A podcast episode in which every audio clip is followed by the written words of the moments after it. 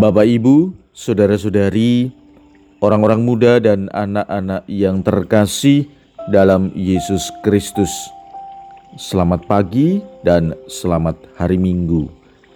Salam bahagia dan salam seroja untuk kita semua, berkah dalam. Bersama dengan saya, Romo Antonius Garbito Pambuaji, menyampaikan salam dan berkat Allah yang Maha Kuasa dalam nama Bapa dan Putra dan Roh Kudus. Amin. Marilah kita berdoa. Ya Allah, melalui Yesus Kristus Putramu, Engkau telah memilih kami menjadi anak-anakmu. Engkau juga mengutus kami sebagai pewarta kabar gembira. Berilah kami kekuatan untuk menunaikan tugas kami dengan setia dan gembira, serta penuh cinta kasih. Dengan pengantaran Kristus Putramu Tuhan kami, yang bersama dengan dikau dalam persatuan roh kudus, hidup dan berkuasa Allah kini dan sepanjang segala masa. Amin. Hari ini Minggu 11 Juli kita memasuki minggu biasa ke-15. Bacaan pertama dalam liturgi hari ini diambil dari Nubuat Amos, bab 7 ayat 12 sampai dengan 15. Bacaan kedua diambil dari surat Rasul Paulus kepada jemaat di Efesus bab 1 ayat 3 sampai dengan 14. Dan bacaan Injil diambil dari Injil Markus bab 6 ayat 7 sampai dengan 13. Marilah kita mendengarkan Injil suci menurut Markus. Sekali peristiwa, Yesus memanggil kedua belas murid dan mengutus mereka berdua-dua. Ia memberi mereka kuasa atas roh-roh jahat dan berpesan kepada mereka supaya jangan membawa apa-apa dalam perjalanan, kecuali tongkat, roti pun tidak boleh dibawa. Demikian pula bekal dan uang dalam ikat pinggang. Mereka boleh memakai alas kaki, tetapi tidak boleh memakai dua baju.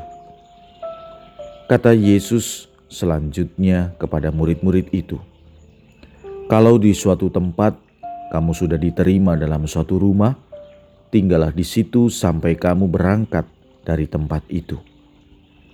Kalau ada suatu tempat yang tidak mau menerima kamu, dan kalau mereka tidak mau mendengarkan kamu, keluarlah dari situ dan kebaskanlah debu yang di kakimu sebagai peringatan bagi mereka.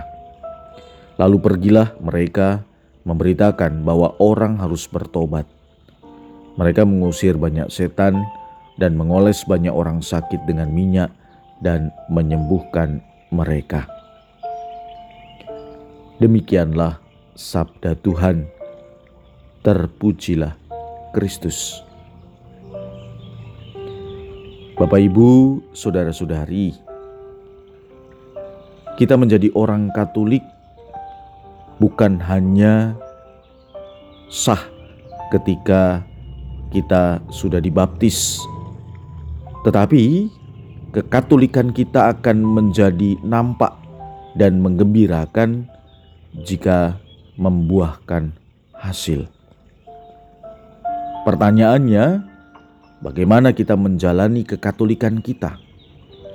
Apakah sekedar pengakuan sosial bahwa kita dibaptis dan menjadi Katolik? Tentu tidak cukup. Tetapi kita diajak untuk mengembangkan iman kekatolikan kita dan menghidupinya dalam kehidupan kita sehari-hari.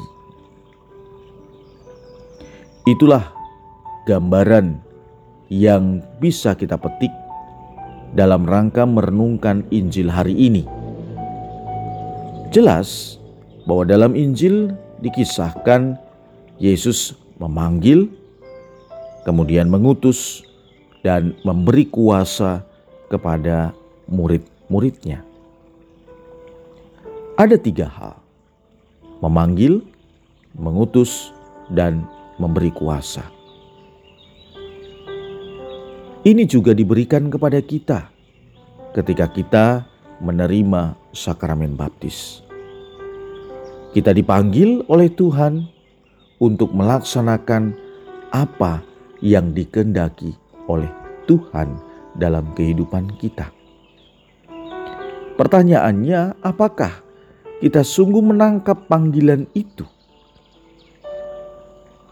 Yang kedua, seperti Yesus juga mengutus para murid, Yesus juga mengutus kita untuk menghidupi iman kita.